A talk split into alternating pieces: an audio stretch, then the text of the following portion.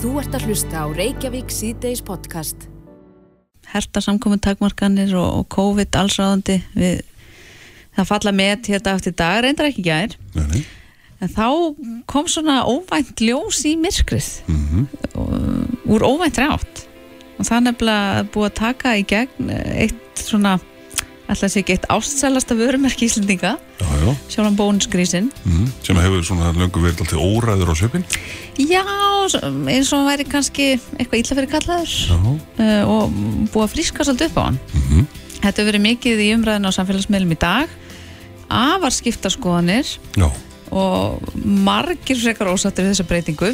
En uh, hingað er komin Baldur Ólafsson markaðstjóri bónus og Dagný Eva Eggertsdóttir starfsnemi í markaðstild bónus. Verið velkomin.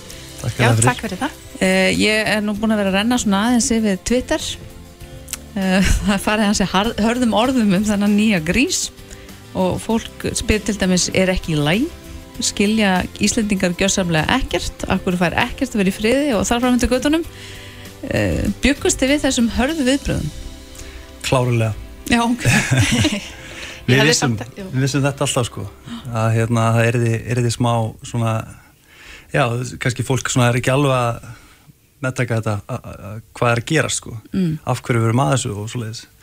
Og bara breytingar eru alltaf erfiðar fyrir fólk, Mm. sérstaklega á ástsælasta, eða allavega svona þekktasta vörumerki í Íslands, mm -hmm. eða eitt af þeim.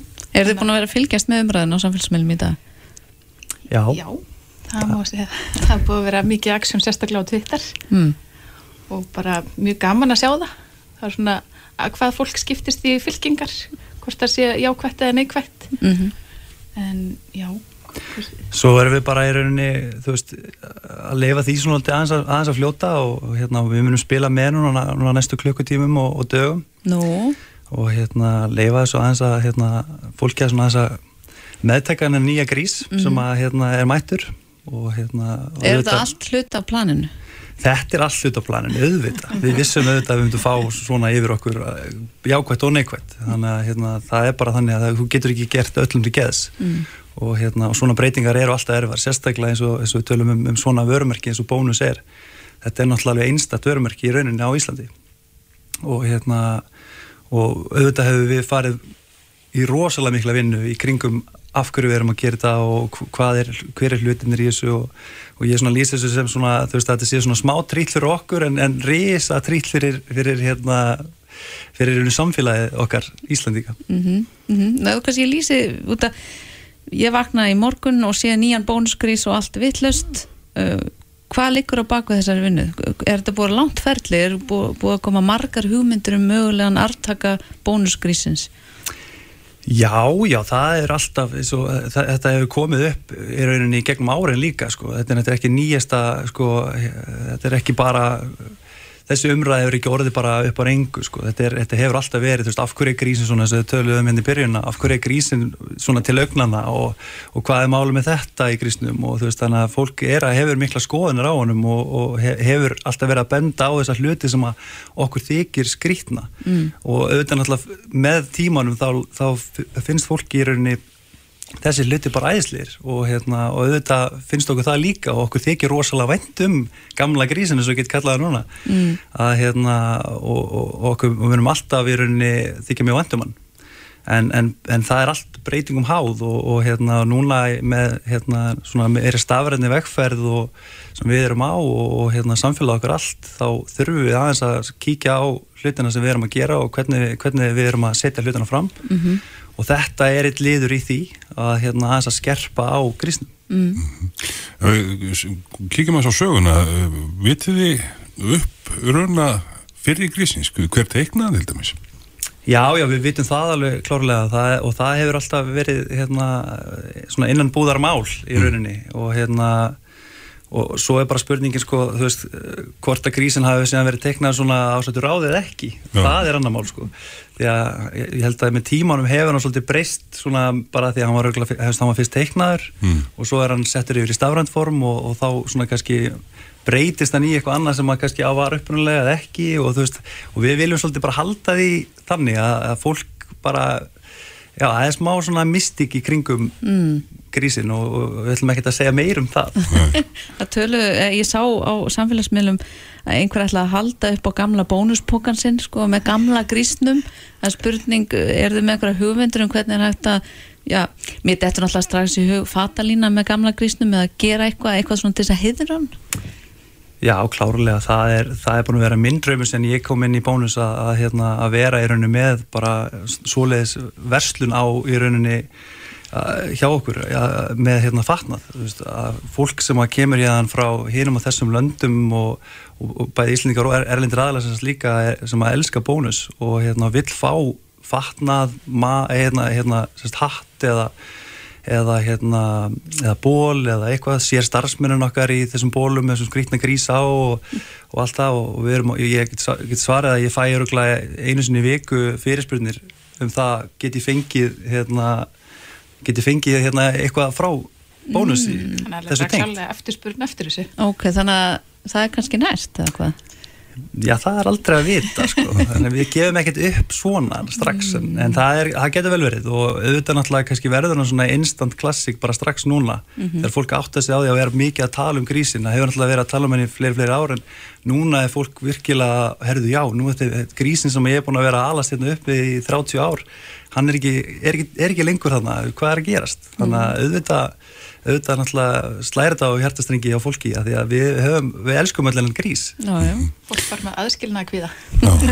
En nú er komin nýr grís, uh, heitir hann eitthvað? Nei, við viljum ekkert, hann er bara bónusgrísin Já, já. það er bara, hann er ekki með neitt svona hann, þú veist, karakterinn hans er bara, við erum heiðaleg og þú veist, við erum, hérna gerum hlutina bara á, á, áræðni og hérna og við, hérna, já, hann er svona ástriði fullur og Ekkert bruðl ekkert bröðul er, er auðvitað áfram það er náttúrulega alltaf klassísk sko, og við, við höldum alveg í það og, og hérna en það er og með segir fólki í liði. Já. Með fólki í liði. og, við, og svo, er það, svo er þessi grísun að við erum að kynna svolítið með því að við erum með fólki í liði við hefum svona verið að halda hérna, ákveðni stefnu hérna með varandi verðstefnu og að hérna, halda, halda verði niðri í, á markanum í, í matvöru og, og allt, frá, allt frá fyrstu tíð höfum við verið að gera það og, hérna, og munum halda áfram að gera það og það er ekkert að breytast í bónus Nei, þannig að hérna, með þessum breytingum þá er, er stefna bónus ekkert að breytast þetta er, þetta er bara núna er komin aðeins nýjar áherslur -hmm. og sem að gerist bara hjá vörumerkjum og, hérna, og í, þessu, í þessu kasti þá erum við að taka líka til í, í, hérna, í vörumerkjunu sjálfu mm. Við getum náttúrulega ekki sleppt ykkur án þess að spyrja þegar þið vöknuðu í morgun og sáuð í hvað stemdi þessar heitu umræður var aldrei einn eftir sjá ah, við hefum bara átt að halda gamla grísnum Klárlega Nei. ekki. Bara nei. Það er bara, við erum mjög ánum með þetta. Inn, innanborðs. Já, klárlega, þetta er, þetta er, þetta er það sem mun, mun koma og, hérna, og við stöndum bak við þetta alveg fullum með, með fullt traust hérna, okkar sta- samstagsmönnum og við erum öll rosalega ána með þetta og hérna, þetta er bara, hérna, ég held að fólk sko, auðvitað náttúrulega, þess að segja, þetta gefur svolítið flatt upp á fólk, ég skil það alveg og við höfum fulla skilning á því, en, en hérna, fólk mun elska þennan grís, ég get lofa því Já, þetta er bara býður líka upp á fleiri möguleika. Það er þetta byrtan á mun fjölbarættir að hátt núna. Mm. Það koma skilubóðum okkar áleiðis. Þannig að Já, og það mun komið bara í ljós og, og, hérna, og það er þetta að fara núna í dag að morgun kannski betra hérna, í skeifuna og smáratorg þar erum við búin að gera svona nokkra breytingar. Nú, byndu þannig að það er hægt að skoða hérna, hvað, hvað, hvað þessi vinna er ekki bara logo, það er líka aðeins hérna, verið að gera inn í vesluninni og ný skilti og svona. En alltaf erum við að reyna að spara þannig að við hérna, reynum að nota sömu fleti og allt þetta og, hérna, og reynum að einfalda líka. Núna eh, með þessum breytingum náum við líka að einfalda í rauninni bara kostnað í að breyta svona skiltum og, og hérna, þegar við þurfum að breyta þeim. Mm. svo í smáratorgi, við erum ekki búin að breyta því skilti ég veit ekki hvað langan tíma og það var alveg orðið upplitað og, og hérna, aldrei breytist það og fyrir núna því við vissum að þetta var í vændum þannig að Ok, þannig, að- þannig að grísin er í rauninni uh, hann, hann bóðar betri tíma. Já, maður segja það, hann er náttúrulega sparigrís sko. Já, það er þannig að rétt. það má ekki gleyma því, hann er náttúrulega sparigrís Já, mun Og- aldrei breytast. það mun aldrei breytast Þannig að við munum gera ráð fyrir að sjá þennan jafnvel í einhvers konar þrývít uh, ólíkt fyrir rennar sínum. Já, þannig að í, í sjónvarpi erum við svolítið að vinna með þrývítina mm. og hérna, það, það gefur okkur þessa skemmtilegu möguleika þar og hérna, en inn í Vestlun og annar staðar verður hann í, í 2D mm.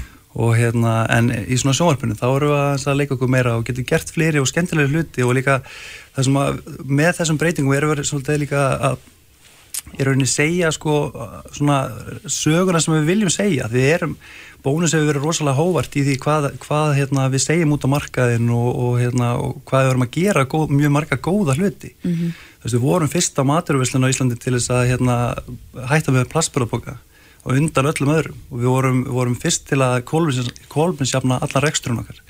Við, hérna, við, við hefum aldrei selgt tópak mm -hmm. við erum eini stórmarkaðar en, þá í dag sem að selur ekki stór, tópak mm -hmm.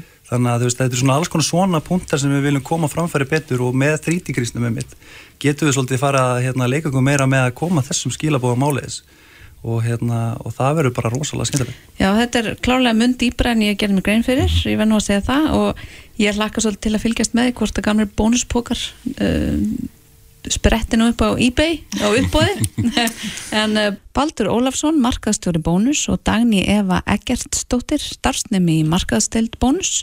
Takk kærlega fyrir komuna. Já, takk fyrir okkur. Takk, takk. Þú ert að hlusta á Reykjavík C-Days podcast. Já, upp, upp úr háti í dag uh, bárust fregnir af hertum samkommið takmorkunum Já Þannig eitthvað sem við vissum að væri vændum uh, vissum þó ekki nákvæmlega hvernig það er útfært En eh, á miðnætti taka þessar samkomu takmarkanir gildi og þá með að 50 manns koma saman og opna tími veitinga og skemmtist að verður stittur um klukkustund. Já. Og línunni er uh, Víður Einarsson, yfir lauruglu þjótt, góðan að blessa hann daginn. Góðan að blessa hann daginn. Hvernig er hljóðið þér í dag? Ertu, ertu sáttur með þessar aðgerðir? Ég lengi sáttur með aðgerðina og lengi sáttur með stöðuna en, en þetta var það eina sem hægt var að gera var að grípa til einhverja aðgerða það sé nú sjöldum njóst að, að þetta gæti ekki haldið svona áfram með þessum mikla vexti sem er búið að vera undanfarið. Mm.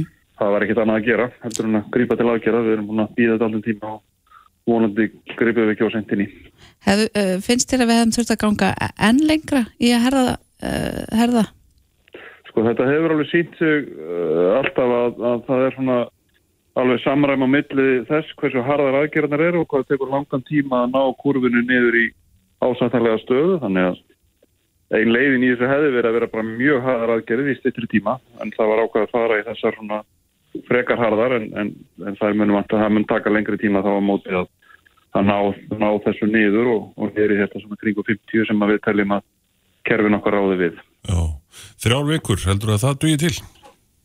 Ég vona það og, og hérna en já, já, ég svona, er alveg hæfilega bjart hérna á það og það verður bara komið ljós en eins og, eins og alltaf í þessu þá er það bara hvað við gerum sem að skiptir öllum máli í þessu. Þess að við erum búin að tala um það núna í nokkra vikur og, og þá þurfum við kannski ekki endilega að setja reglur ef við pössum okkur bara en svo koma þessi hópsnitu upp það sem að það sem bara þannig, þannig er það bara og það er kannski bara nú erum við bara búin að reyna þetta aftur og aftur og það er þá allavega ljóst að, að það verist að reyna sem duður er að setja einhverja reglur og það er því miður þannig mm -hmm. Er þið eitthvað búin að greina það uh, svona eina gæðsalpa hvað klikkaði? Nei, nei, það sé nú bara það að hérna, kannski voninum það að geta gert bara það sem manni síndist og það er bara, það var ekki hægt og, og þá koma þessi, þessi smitu við sjáum að sjáum þessi stóru hósmit, við sjáum það að, að hluti smita sem eru að greinast eru, eru nýja afbreyði sem koma, koma til genum landamærin. Þannig að þetta er, þetta er samspil margra þátt en, en það eru svona okkar eigin hvað við getum gert sjálfur það sem allir þurfa að hugsa núna. Mm -hmm. Já, það er um tverði umræðin okkur skortir kannski þessa samstöðu sem við höfðum í byrjun faraldurs. Uh, og nú sjáum við fréttir af því eftir uh, þennan fund uh, ríkistjórnar í dag að að til dæmis eh, ráðherrar í sástæðisflokknum eru nú ekki sérstaklega sáttur við þessa takmarkanir. Hvað hefur þú að segja við því? Ég, eins og ég sagði á þann að þessi engin sáttur að þurfa að fara þessa leið og, og ég held að þetta séu ákveðum ombreyði en og menn vísa mikið í bólusetningarnar við sem full bólusett þjóð sem að alltaf, við erum kannski ekki með þetta en þetta getur rétt ímyndað eitthvað stöðun ef við værum ekki með bólusetningarnar. Mm. Hvernig við værum, í hvaða stöðu við værum þá. Þið sjáum bara á þessum tími í fyrra vorum við að fástu einhver örfóttugi smita og og allt einhvern veginn á, á kolvi hjá okkur í öllu kerfum og, af því að fólk var svo mikið veikt og lág lengur inni. Núna eru miklu færri að veikjast og þeir eru að liggja stýttir inni en, en fjöldin er alltaf bara af þeim sem er að, að fá smitt, er orðið svo óheyrilegur að það er það sem að gera það að verkum að við erum í þessari stöðu. Mm. Sumir hafa nú jafnvel talað um að kannski þessi, þessar tölur, þessar eh, fjöldatölur sem við fáum á hverjandi í séu kannski ekki að gefa alveg hárétta mynd af stöðu faraldursins. Nei, en það er svo sem við erum alltaf að leggja á alltaf það að þetta vera með einhverja hittamæla sem segja þér hvað þeir og það eru, það sem við erum fyrst og reynst að horfa á það að 2% af þessum veikjast leggjast inn á spítala og til að geta spáð fyrir um það hversu margir eigi eftir að leggjast inn á spítala þá þurfum við að vita hvað margir smittast og, og það er svona doldið enginlegt að hlusta umræðum um það að ég hætta, hætta að spá í þetta en og það eru þetta bara hverjum í sjálfald sett hvað hann fylgist mikið með og hvað fjölmjöla við þetta mikið um tölunar en, þetta er náttúrulega bara svo mælikvarði sem að gagnast okkur mest í að spá fyrir um hvað gerist eftir viku tíu daga. Það er bara, það er ekki mjög klókin reikningur. Mm. Uh, varðandi óbólusetta einstaklinga, þá fáum við fregnir af því utan úr heimi að svona uh, verða aðeins að herða aðgerðir gagvast þeim sem eru óbólusettir eins og í dag kom frétt frá Austuríki þar sem er talið að verði sett á útgöngubann innan tíðar uh, fyrir óbólusetta. Hefur þetta eitthvað verið skoðað hér á Íslandi? Ég veit, við erum alltaf að skoða alls konar hluti í þessu en ég held að það er svona ingen í alvöru að velta því sér að, að, að setja óbólusettum eitthvað meiri í skilir heldur en öðrum. En þessi bilgi er borun eitthvað bólusetti fólki og, og hérna þannig að óbólusettir eru, eru hvað, rétt hæflega 40% af þeim sem eru að veikast. Það eru auðvitað, margir hafa veikst meira en, en hlutfallin að spýta með nokkuð jafn millir þeirra sem eru bólusettir og óbólusettir þannig að ég held að setja svona eins og ég sagði á það snýst fyrst og reynst um hvernig við tökum á þessu þessari baróttu hvert og eitt og gerum okkar besta því eins og, eins og ég veit að langt flestir er að gera svo gleyma með sér kannski einhverju gleðskap einhver og þá, þá hérna verða til einhver svona hóspill en það er bara eins og það er. En, en hérna ég held að sko þessi umræðum óbólusett á Íslandi að, að hún er kannski menn þú veist að skoða hana líka sko hverjir er þetta sem er óbólusett er þetta af þeim sem við ætlum að er þetta náttúrulega mjög stóru hluti börn, þetta eru líka ansið, ansið margir svona á þrítusaldrunum sem hafa ekki mætt og það eru ekki margar ástæði fyrir því. Mm -hmm. Við hefum farið í, fórum í gríðalega mikla vinnu þegar þetta mikla átak okkar var í sömar en að ná til til þess erlendara verkamanna og, og þeirra sem við töldum að þetta erfiðar að, að skilja og, og, og hérna, hafa tröst á því sem var að gera og það gekk bara mjög vel og vorum í góðu samstarfi við marga aðila um það, þannig að við fengum, fengum mikið fjölda til þess að mæta þá. Síðan eru þetta hluta þessum hópi býr ekkert lengur hérna af þessum 11% sem við verðum að tala um. Hluta þeim eru börn, hluta þeim eru út fólk og svo eru þetta, er bara hluti sem við verðum að bera ákveðna virðingu fyrir í þessu það er bara, er ákveðin hópur einstaklingar sem ætlar ekki að láta bólusita sig og það er bara, er ákveðin sem við verðum að virða hvort hvernig sem okkur líkar um. Já. Í máli heilbríðisar þeirra núna í, eftir hátíði þá hvað við svona alltaf nýjan tón, eitthvað sem maður hefur í sá sér ekki heyrt áður en hún talaði um að nú væri farið í áttak að bólusetja um 160.000 einstakleika á Íslandi og þá fyrir við að sjá fyrir endan á faraldrinum. Já, já, það eru þetta, já, vonandi, vonandi er það. Við erum allavega það sem menn er að sjá í, í þessum rannsónu sem er búið að gera er það að að þessi þriðja bólusetning veitir, verið veitur miklu meiri vörn heldur en tvær oh. og það er bara mjög áhugavert og, og það er svo sem ekki, ekki komið mikið reynsláta hjá okkur en, en þó, þó það sem við sjáum er, eru jákvæðteikn en síðan eru þessar rannsónu sem gerða voru Ísrael sem, að, sem sína það að, að þriðja bólusetningin er, er að skila mjög miklu og það er svo sem engin nýtíðindi fyrir fólk sem að, sem að vinnur í þessum geira sem eru sérfræðingunar okkar í þessu. Þetta er náttúrulega það var tekið, nefnt þarna ungbarnabólusetningar, livrabólgabólusetningar og fleira það sem að, það sem að svona þetta minni líkamann þeirrir bóluefni kemur ekki verið með þriðuströytu og, og hérna við vonandi bara er það þannig, við, við verðum að sjá til. Við erum að fást við hlut sem við erum búin að þekkja núna bráðum í tvö ár og það er nú ekki mjög langu tími í, í, í hérna læknisvísindunum þannig að við verðum að sjá til en, en, en ég vona bara allir takið þátt í þessu og mæti þegar það er til einhvers tíma veitir þetta miklu meiri vörn og ekki bara fyrir að smita þar að heldur líka fyrir alveglegu veikindum þannig að kann, kannski verður þetta líka það að þetta verða þá fækku við ennþá fremur þessum, þessum hópi sem að þarf að leggja þennan spítala og, og förum út 2% og eitthvað neðar það var í það var í mikið, mikið og góð tíðundi. Mm. En uh, Víður, um, þú smittaðist nú sín tíma af COVID. Mm -hmm. Finnur þú ennþá fyrir einhvers konar eftirkostum? Já, ég ger það nú. Það er svona uh, lyktar og bræðskinni hefur verið svona að koma og fara hjá mér. Mm. og, og síðan var ég mjög lengi svona náð þrekja aftur og maður er svona að kljást við einhverja, einhverja skrýtna hluti í skroknum sem að maður veit ekki endilega hvort að tengjast COVID eða einhver öðru. En allavega svona er þetta eitthvað sem maður tengir við að þetta hafi orðið einhver breyting hann við þetta sko. En, en, en hérna já, þannig að þetta er ekkit þetta er ekkit einhver flensa sem maður hristir af sér á tveimu vikum, þetta er að, að koma mig núna, það er ári næstu viku síðan ég smitaðist. Mm. Já, það er einmitt það. Eh, Eitthvað sem þú vilt segja að lokum, þú hérna í beinni á bylginu og nær til fjölda fólks. Já, já, ég held að sko stóra máli fyrir okkur öll er auðvitað það að, að hérna, við verðum að ná þessum faradri niðri, það er alveg sama hvað okkur finnst um, um stöðu í einhverjum kerfum eða landsbítalan eða helbriðskerfi heilsinni eða einhverja reglur eða einhvað, það er bara því miður verðum við bara að horfa á það að, að við ráðum ekki við farandur að þessari stærð.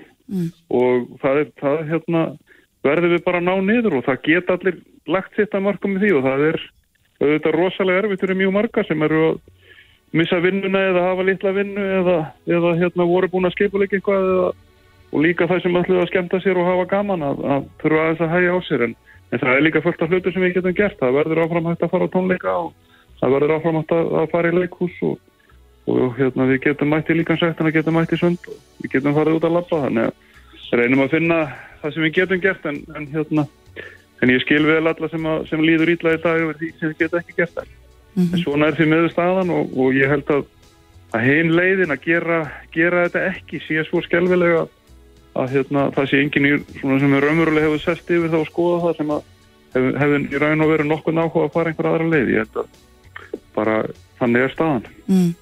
Mitt við verðum víst að vona það besta, vona þess að aðgerðir dugi til. Uh, Víður Einarsson, yfirlörgu þjótt, takk helga fyrir spjalli og gangið er vel um helgina. Takk sem leiðis Þetta er Reykjavík C-Days podcast.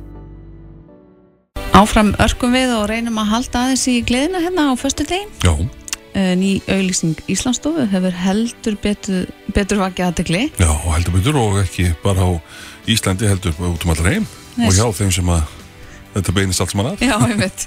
Sjálfur Mark Zuckerberg, Facebook-fóringi, Já. er búin að deila auglýsingunni. mm Ég held að hann bara nánast gerst uh, sama dag og hún fór í loftið. Já, En uh, hingaðu komin Sveit Birgir Björnsson, fórstöðu með markað samskiptasviðs Íslandsstofu. Verstu velkomin. Takk að þið fyrir. Þessi auglýsing, það, þetta er, það er verið að gera grína Metaverse og Meta og Mark Zuckerberg, eða hvað? Ég hef nú sagt að sko öll líkindi við, við personur lifandi eða dauðar eru, eru eintún tilvíðum sko. já, já, Það hérna, við náttúrulega erum ekki að gera grína einu með einu þarna en, en hérna eh, Við fengum þarna talsmann til þessi ögur sem eh, heitir, eða kalla, kalla sig þessi til ekki, eh, Sack Mosbergsson mm. og hérna hann er að kynna þarna, þú getur sagt ákveðna andstæðu við síndaveruleika sem að er bara veruleiki veruleiki. Eða bara svona, já, Íslands, Íslands uh, veruleikin köllum við þetta. Og uh, markmiðið er náttúrulega bara fyrst og næst að sína það það er að upplega ótrúlega hluti á þess að, á þess að vera síndaveruleika sko. mm. og hérna við höfum rosalega margt upp á að bjóða sem að, sem að mörgum finnst kannski bara törnum líkast annar staðar. Þannig að þetta er bara allt saman einn stór tilvílun að Facebook hafi breytt nafni og... Ég, hérna, ég skal alveg viðurkenna það við sóttum innblástur í, í, hérna, í, þetta, í þetta myndband uh, Facebook eða Meta eins og það heitir í dag hérna, uh, þetta myndband og, og þessi hérna, sé þessi, þessi uh, kynning Facebook núna fyrir, fyrir tveimu vikun síðan mm -hmm. snýrust en þessa nafnabreitinga Facebook breytir sem yfir í Meta og ætlar að, að fókusar á Metaverse sem er þá svona sínd að vera leika heimur og þeir, hérna, fram, þeir bara trúa því að framtíðin uh, sem sagt uh, framtíðin félist í, í síndaveruleikanum uh, við erum kannski ekki alveg alveg sammála, eða við sjáum alltaf að fullt, fullt í veruleikanum sem okkur finnst bara mjög áhugavert og viljum gætna hérna sína fólki. Og hérna og það er svona, já, það er svona styrta sagar bara ein, þetta, þetta myndband vakti þannig innblástur og hérna og svo er allt annað er allt annað til viljum já. En Það er náttúrulega, að þið kaupið ekki þessa upp umfjöllun sem að verður í kjölfarið að því að maðurinn sem þessu er beint að, hann vaknaði til lífsins.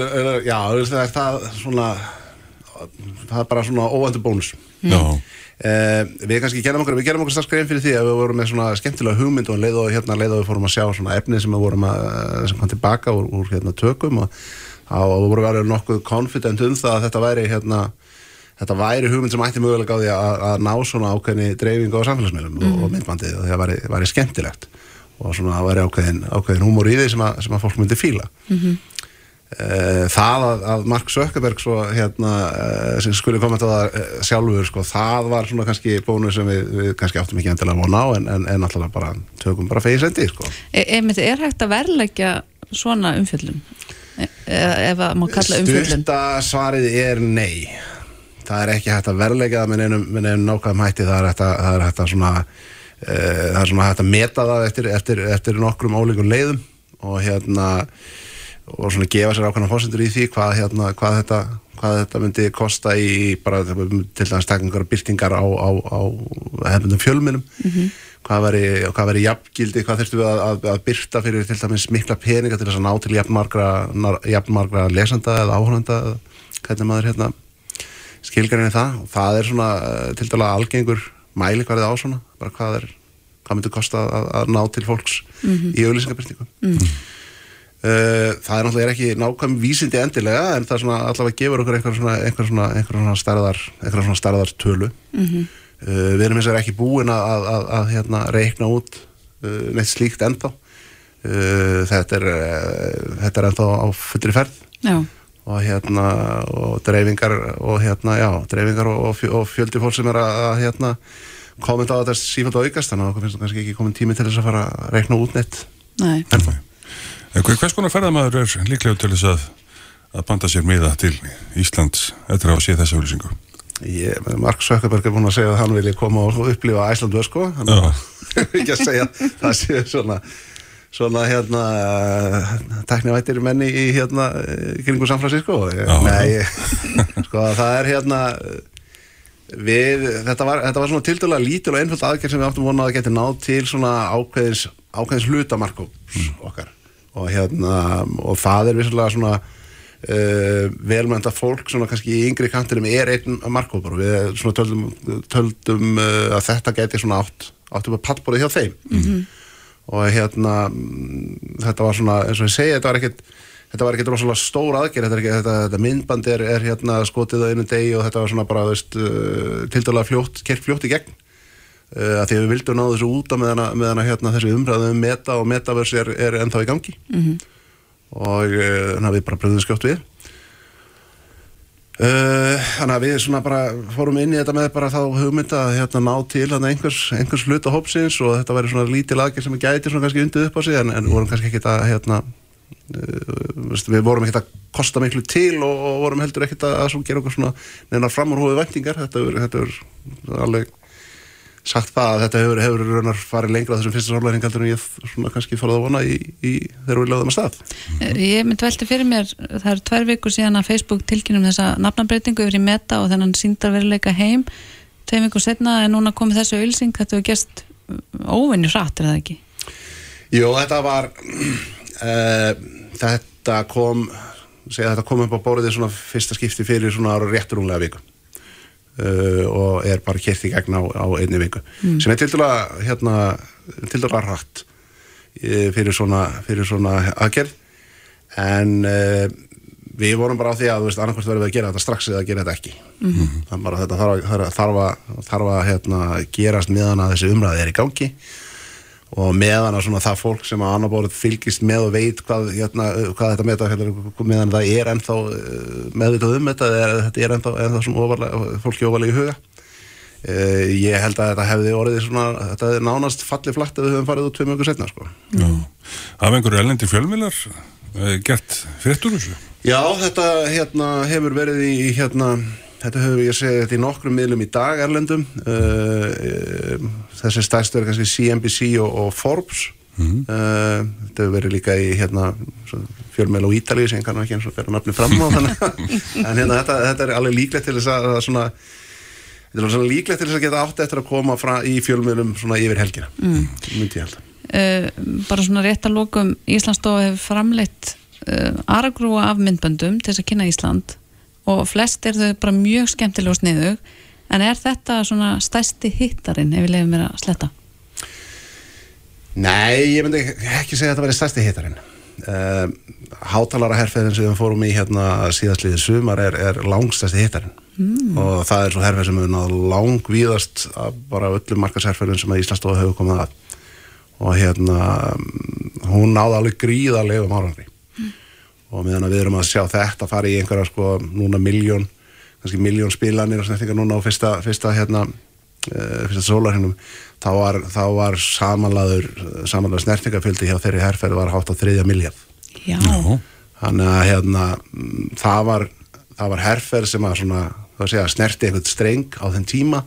Uh, fólk var orðið mjög uppgefaði að sitja heima og hérna, það var orðið svona frústreraðir eða fólk var orðið frústrerað og við svona bjóðum þeim þarna ákveðna ákveðna úrlust eða já, að losa um þessa, um þessa frústrasjón og hérna það var eitthvað sem bara snerti fólk með svo beinum hætti að hérna að það voru, við, það voru yfir 800, 800 umfyllanir í erlendu fjölmjölum um, um þá aðgerð sko. Já, er það uh, herrferð sem hægt er að endur taka?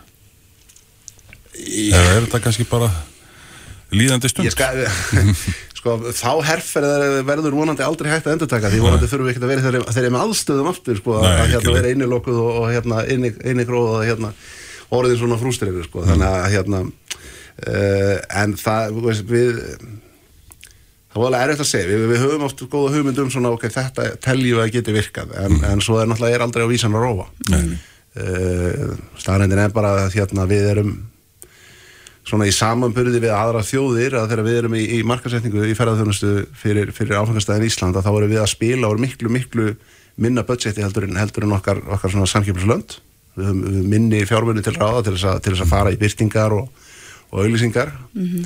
Þannig að við erum reglulega að reyða okkur á að, að svona búa til eitthvað sem að, sem að fer fram úr því sem við getum raunar gert með bara byrtingabinningar sko. að búa til eitthvað sem vekur umtal og, og hérna og fólk er tilbúið til þess að deila.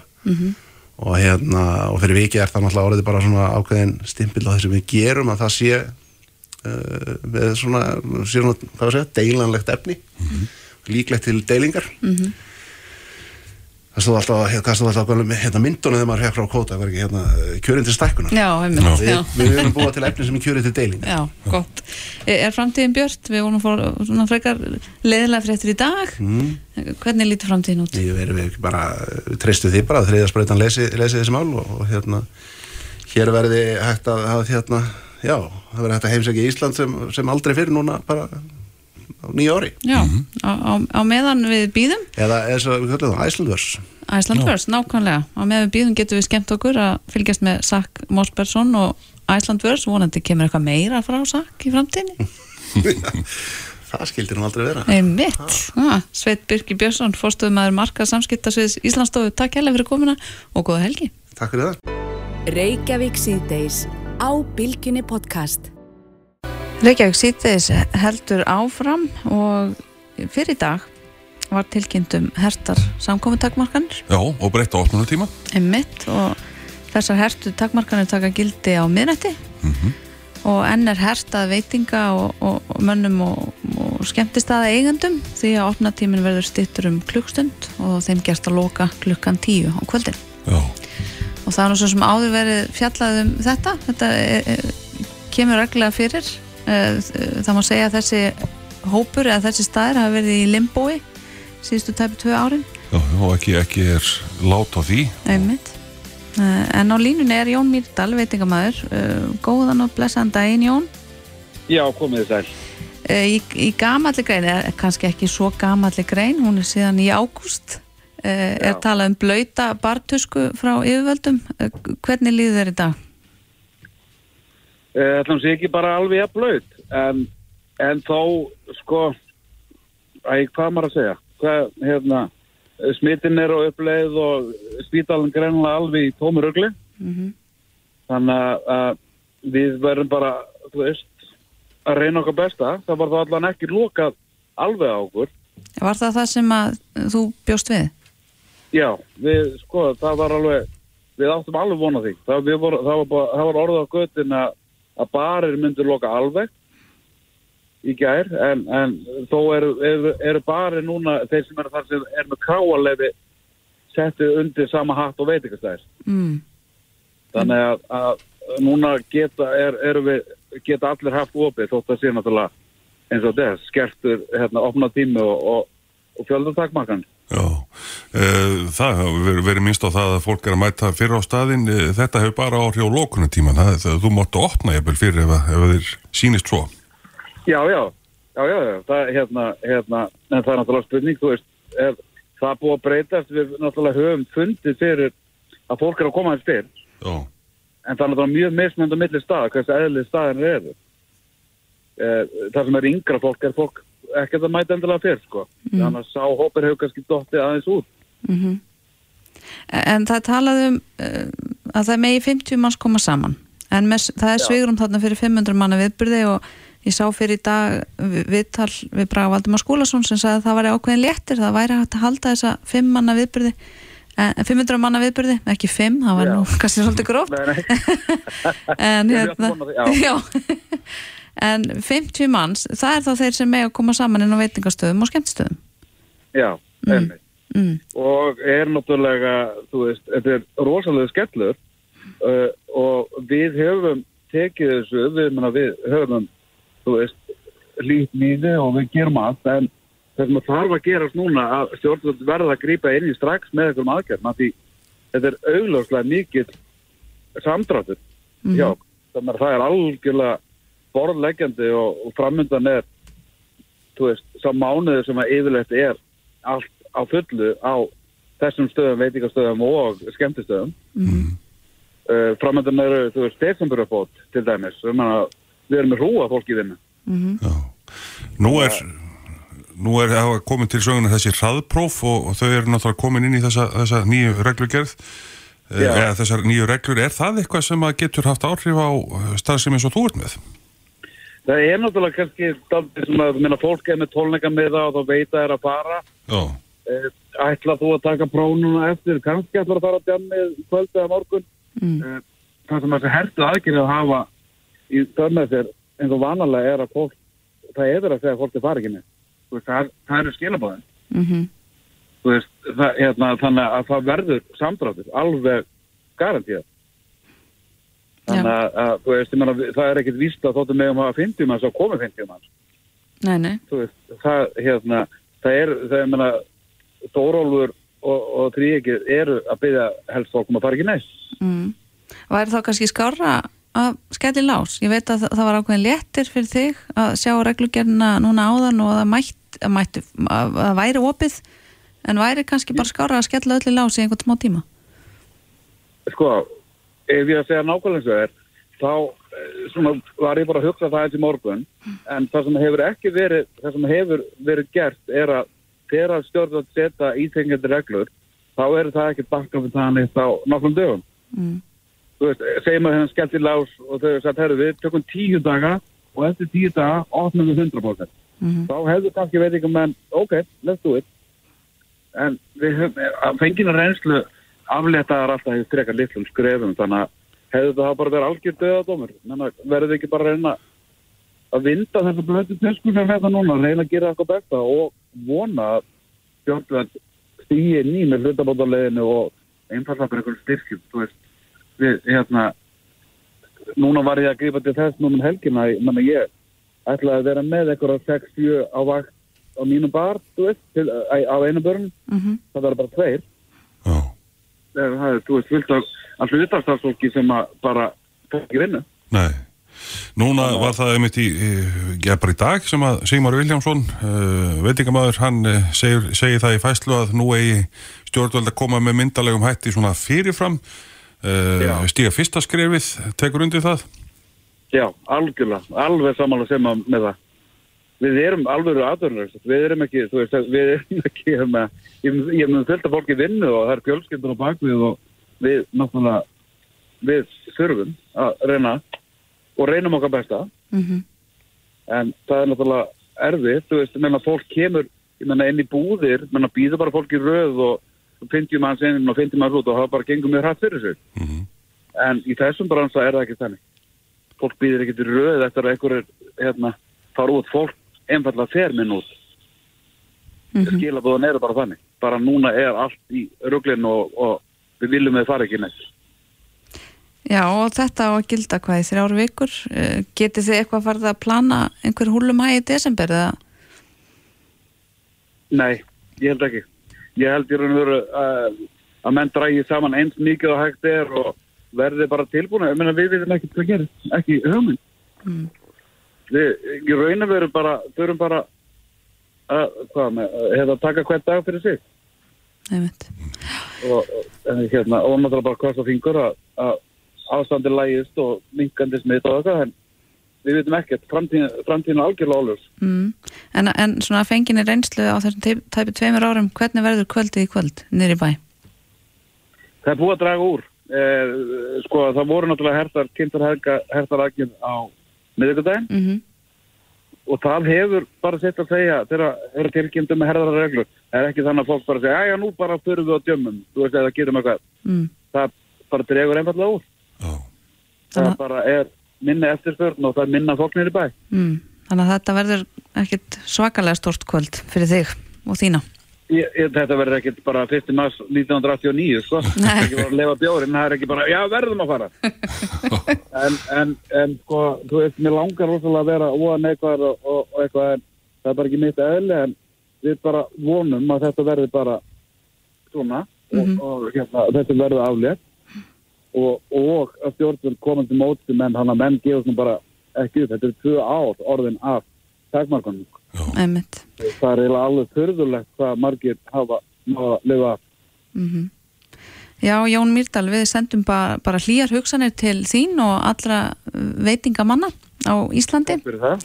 sendum ykkur baratu kveðjur og þökkum þér í dag kærlega fyrir spjallið Takk sem leður, skoða helgi. Reykjavík síðdeis á bylgjunni. Jæja, eitt af eh, þessum eh, fyrirbærum sem að ganga aftur í tíma er vínirplatan. Einmitt Hún er að verða ansið hreint uh, vinsæl á heimilum mm og uh, margir orðnir vínil geggjarar á ný Mhm. en uh, það er svona blikur á loft í vínil heiminum vegna þess að það er einhvern veginn erfitt að koma hugarverkunum að á vínilblötu vegna þess að það er að fara að myndast röð. Ég heyrði það einmitt í bítinu í vikunni að Katrin Halldóra söng og leikona sagði að ef hún myndi vilja hvað segir maður, uh, pressa vínir plötur erlendis, þá væri byðin 6 til 8 mánuðs Já, það er nú aðeins einhverjum byggð og uh, ekki á það að treysta að þetta komi allt saman í, í taka tíð en uh, það er eitt samaður sem að hefur verið einmitt í þessum bransa að uh, pressa plötur og uh, hann er búsettur í Danmarku og uh, starfar þar, heitir Guðmundur Ísveld og hjá RPM Records uh, konsell. Jú, komið sæl. Uh, hvern, við segjum alveg ljómandi gott, hvað, hvað er að frétta frá Danmarku? Alltaf fínasta. Já, bara rífandi gangur. Einhver að kvarta. Nei. Já, nákvæmlega. Nóg að gera. Nóg að gera. Já, það er nóg að gera hjá þér er það ekki. Þú ert að Jú. pressa vínilplötur. Já, ég er að því og eins og þú sagði myndist á því náðan, það var aldrei verið meira að gera. Nei. Og ert að pressa fyrir íslenska tónlistamenn? Já, við erum að, sem við gerum 5-10 pantanar á mánuði eða svo. frá Íslandi Þannig að, já, Já, ok smörum alltaf í gott breytti einu sem tvisar á mánuði. Já, já. Og þetta, þetta er alveg rétt, það by- byggtíminn er orðin þetta, hvað, 6 til 8 mánuðir fyrir tónlistamenn að koma sínu á plast? Jó, við erum að vísu með fjóra til fimm eins og er, en við fyrir sko hálfa ári, eh, byrjun ásins, þá vorum við með 14 daga. Já, Þannig að Hvað hva gerðist það í millitíðinni? er COVID. Eh, Það var einhvern veginn perfect storm, getur maður eiginlega kalla. það. Þetta er uh, blanda alls konar. sko. Þetta er náttúrulega það að mikið af fyrirtækjum þurft að loka í annarkvört í stuttabíði, það var frá hausinn, mikið í bandaríkjunum aðalega. Sem var náttúrulega bara það eitt skapaði mikla röð og svo náttúrulega líka það að tónlistamenn voru ekkert á túra þannig að þeir voru bara heima að spila semja tónlist. Og svo er ekkert gáttu heldur ekki fyrir að pening með tónleikahaldu en eitt svoleið þannig að eitt af einasta sem þú getur fyrir að pening sem tónlistamæður er að selja physical media. Já, eins og vínilin já og svo líka náttúrulega líka það, þeir sem er að safna vínilinum uh, sitja heima og er ekkert að fara í ferðalag eða peningum á það eða út að borða.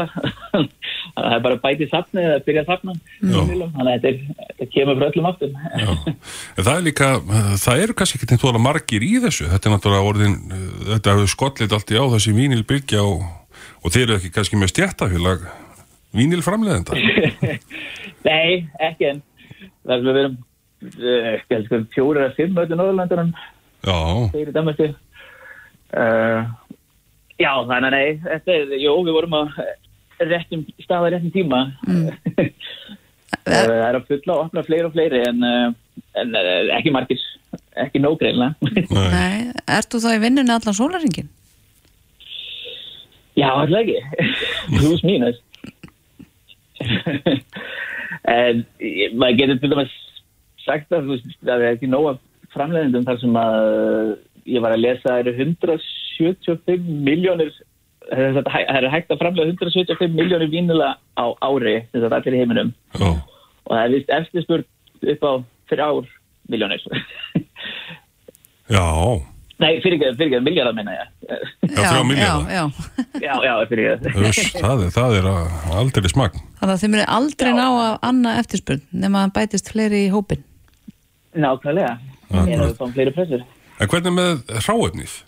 Með vínili sjálfan, er nóg til að því? Nei, alls ekki. Nei, og sama líka með pappirinn sem við erum að prenta á. Þetta er bara, og, og svo líka sem sagt Nikolin sem er að framlega negatífin með og lakkurinn sem er að skera vílinn á það er bara bókstælega skortur á öllu. Þannig að verðið er að fyrir alltaf upp já. mánæðilega Það var satt frá því fréttum í vikunni að eh, Adele er að senda át sína fjórðu plötu og hún er að sem fyrirferða mikil á þessum, þessum vínilmarkaði þannig að það hefur hatt og sett strik í reikningin ekki sett. Já, ég einmitt sjálf að ég dýra henni kittu en uh, hún, Ed Sheeran og Abba er vist uh, ég held ekki að þau eru með tónlistina tilbúna fyrir sex mánuðum uh, þannig að þetta var hoppa fremst í röðina Já, sumi sem er ná að hoppa eins fyrir fyrir röð. Já, þú getur rétt ímyndaðir ef að kannski hver vínilpressa er að framlega kannski þúsund á dag og það er alltaf panta eitthvað upp á miljón stykki eða einu og hálfi sem að skilda Abba hafa verið Mm. þá er alveg bæta nokkur mánum á byggina En, en mætti ég forveitnast, ég veit að Bræði veit ansi margt um vínilplötur, ég veit ansi lítið. Uh, hvernig er þetta ferlið? Þú segir þúsund plötur á dag. Getur þú pressað, þú hjá þínu fyrirtæki, þúsund plötur á dag? Já, það er svona sumarfingsreglan okkar að við erum að við erum að gera um þúsund á dag. En prósessin er nefnilega, það er nefnilega ástæðan fyrir að ég segja að ég verð að, að þetta er 3-5 mánuður hjá okkur því að þetta er nefnilega analog media þannig að það er allt getur gerst. Og við sem sagt þurfum að skera vínunum fyrst hérna í Danmörku, þess að skera masterinn eða hvað sem maður kallar það lekkur á lekkur og það er svo sendt til England þar sem að það er breytt yfir í stempera sem er sem sagt negatífin sem að fara inn í pressuna. Og það er eitt af flöskuhálsunum aðal því að uh, það er ekki nóg í heiminum eða það er ekki nóg að þeir sem er að gera það í heiminum. Nei, við gætum til dæmis verið að framlega upp í 2000 bínul á dag en það bara borgast ekki fyrir að við fáum ekki nóg að stampurum uh, og það tekur alveg þrjá mánuði.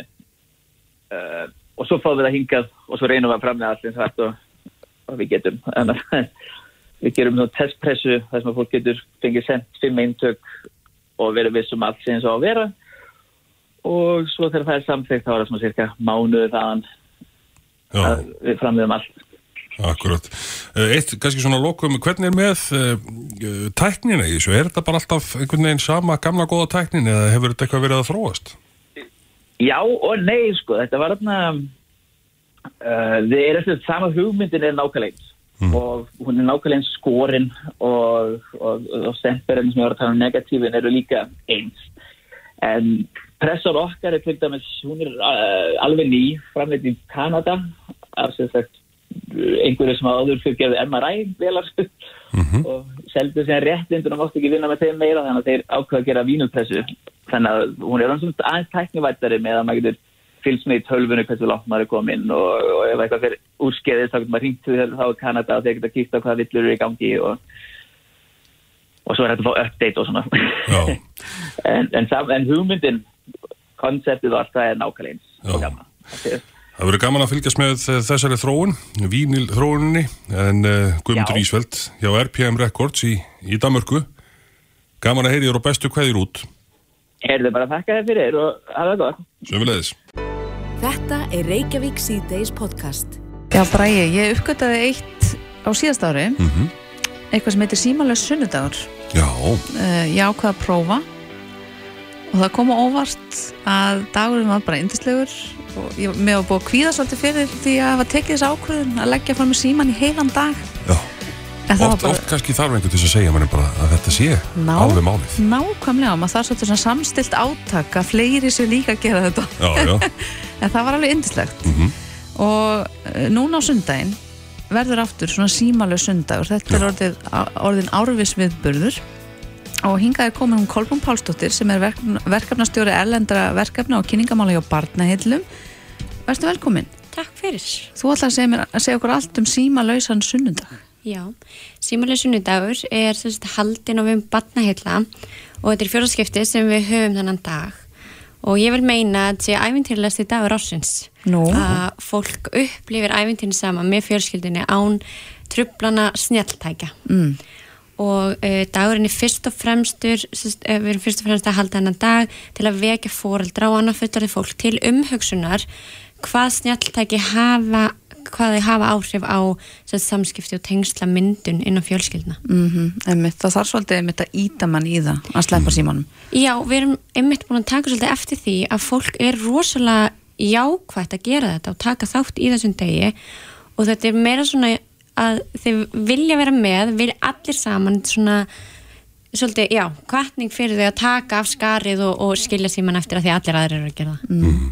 Voru þið ekkert stressuð þegar þessi hugmynd fæðist á sín tíma? Voru starfsmenn barnahella ekkert stressaður að þetta myndi kannski ekkert virka neitt rosalega vel að fólk væri ekki til í þetta? Sko hugmyndin fáum við frá barnaheillum í, í Breitlandi uh, þau heldu, þú veist við erum hluti alþjóðsamtökunum the Children og erum að starfa í 120 löndum. Og þetta vakti rosalega góð viðbröð í Breitlandi og við sáum að þetta var klálega vendunina á Íslandi að, að sagt, að vekja foreldra og bara annað fullari fólk til umhengsunar um þetta Já. því að rannsóknir hafa sínt fram á að við erum að eigða meiri tíma í snjáltækjunum okkar heldur en í geðastundum með fjölskyldunum okkar Já. Og hafið þið séð á einhverjum tölum hvað eru margir sem að taka þátt í þessu í Brellandi? Nei, að vísa ekki, ég er ekki með tölur um það. En það voru rosalega margir sem tóku þátt í fyrra. Og það er sagt hægt að skrá sig. Við vorum með skráningaform í fyrra og núna erum við mjög skemmtilegt próf aðeins til að, að lifta undir hafa svolítið gaman. Og það er að skrá sig inn á símalis.is og taka próf hvort þú sért nú háður símanu þínum. Mm. og við minnum nú að ég var símasjúklingur. Svo er svolítið kvartning að að ég hérna láta síman frá sér frá Já. nýju á sunnudaginn til nýju um kvöldi þetta er þessi 12 tíma átak mm, Og eflaust átök, átök fyrir marga og átök. Ég geti kannski skapað einhverja, streitun á heimilunum? Nei, ég segi svona ég, Af fenginni reynslu þá var þetta alls ekkit streituvaldandi heldur var þetta í rauninni ákveðin léttir. Já, þetta er voða gott og líka bara ekki bara hvað áhrif þetta hefur á alla, þetta er líka bara þetta er orðið svo mikill vani hjá okkur að hafa síman alltaf við höndina og þetta upplýsingafræði þurfa alltaf að vera að googla og lesa fréttir og alltaf það. Þarf ekkert, við megum alveg að hafa síman, veist, eitthvað stórun í skúfu og veist, við erum bara, þetta er bara vani Já, fréttirnar verða þarna klukkan tí- níu um kvöldið. Einn nákvæmlega, horfum bara á kvöldfréttir Já, akkurat. En varandi símalögs.is þú sagðir að fólk hefði getað skráð sig fyrir þar Já. þannig að náðu þið eitthvað að fylgjast með hvað skráðu sig til dæmis margir til leiks um, Það voru um fjöðusund sem skráðu sig í fyrra mm. svo það er bara rosalega góð þáttaka finnst mér Mhm. og við erum líka rosalega var við það að um, mikil, það voru margir að deila á samfélagsmiðlum, bara ætla, ég ætla að taka þátt ætla þú að taka þátt og við sáum alveg að það var samstaða Mhm. og áhrifavaldar þeir voru virkilega kátir að taka þátt og það er rosa gaman Mhm. Þú ætla vantarlega að vera símalögs á ég ætla sundaginn að vera simpel þessu sunnudaginn Ertu símalögs aðra daga líka? Eh, Því miður ekki og maður ákvæmst að taka það upp því að ég hef alveg heyrt að það er fólk sagt, um, sem er núna bara að taka sí, sunnudaga símalösa og eftir bara átaki í fyrra sérstaklega bara að ákveða að halda þessum dögum símalösum og ég bara mæli með og hvet alla til að gera það eða þá bara ákvæða eitthvað tíma, bara leggja síma frá sér eftir kvöldmatt og sinna krökkunum. Því að fenginni reynslu með mína krakka að þau er alveg stundum og banna við símanum.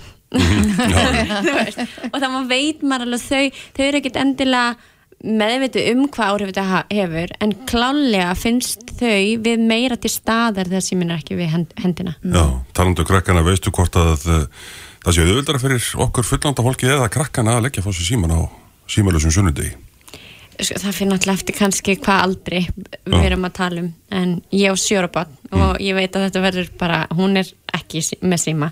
Mm. en það er með úlingan okkar það er spurning hvort við náum þeim með okkur í þetta. Já, maður geta allan að prófa. Ég líka velti fyrir mér fyrir þá sem eru einstaklega hugmyndasnauðir þegar símin er, er, er út úr myndinni hvort að maður getur fengið einhverjar svona einhverjar hugmyndur um hvað það á að gera. Gott að þú komst inn á það því að við munum senda fólki nokkur ráð um skemmtilega ævendir sem hægt er að gera saman á sunnudaginn. Og þess að þeir sem taka þetta próf þeir fá uh, sendir sín ráð á lögadaginn Ó, þannig að það próf er inn á barnahill.is símalauðs.is símalauðs.is, flott. Ég er farin að hlaka til bara, ég veit ekki með þig, ætlar þú að prófa? Já, ég ætla að prófa það. Já, ég... ég bara segja það hér og nú. Flott, þá þarf það að standa við það. Mm -hmm. þú veist það. Nákvæmlega, 9-9 á sunnudaginn Æði, ég, ég hlaka til. Uh, Kolbrún Pálsdóttir, uh, verkefna að stýra erlendra verkefna og kynningamála hjá Badnaheilum Takk hella fyrir spjallið. Já, takk hella fyrir mig. Reykjavík síðdeis á Bilginni podcast